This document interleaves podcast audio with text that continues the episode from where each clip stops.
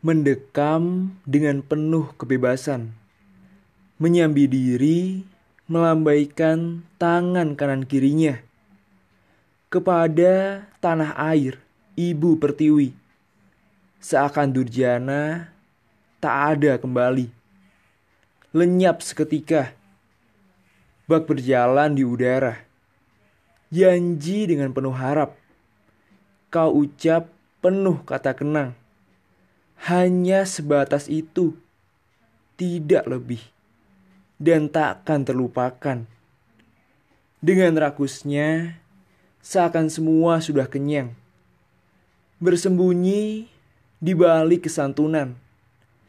Dengan perlahan mengambil bagian dari kami. Menyedihkan, namun berimbas pada kesengsaraan kami.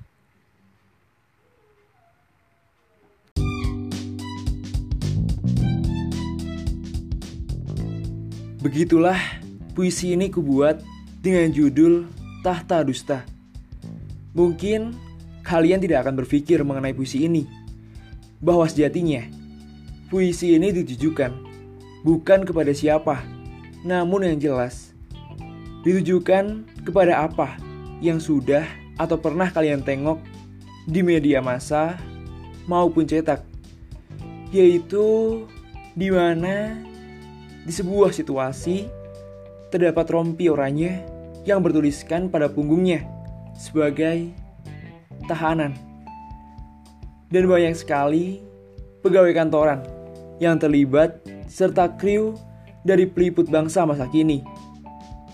Dan tanpa kalian sadari, kita dapat simpulkan bahwasannya mereka yang mengenakan rompi oranye terlihat senang demi dan damai karena ditenarkan oleh sorot kamera maupun telepon genggam.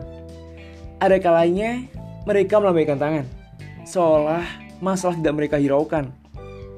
Lantas, bisa kita ambil inti sarinya lagi. Bahwa dunia sudah gila, negeri sudah menjadi antah berantah, dan pelaku sudah sangat kehabisan akal. Dan terakhir ku kata, yang ku maksud di sini adalah bersikaplah dewasa dalam memutuskan sebuah keputusan. Karena anak kecil tentunya hanya akan menangis dan kabur saat masalah tiba.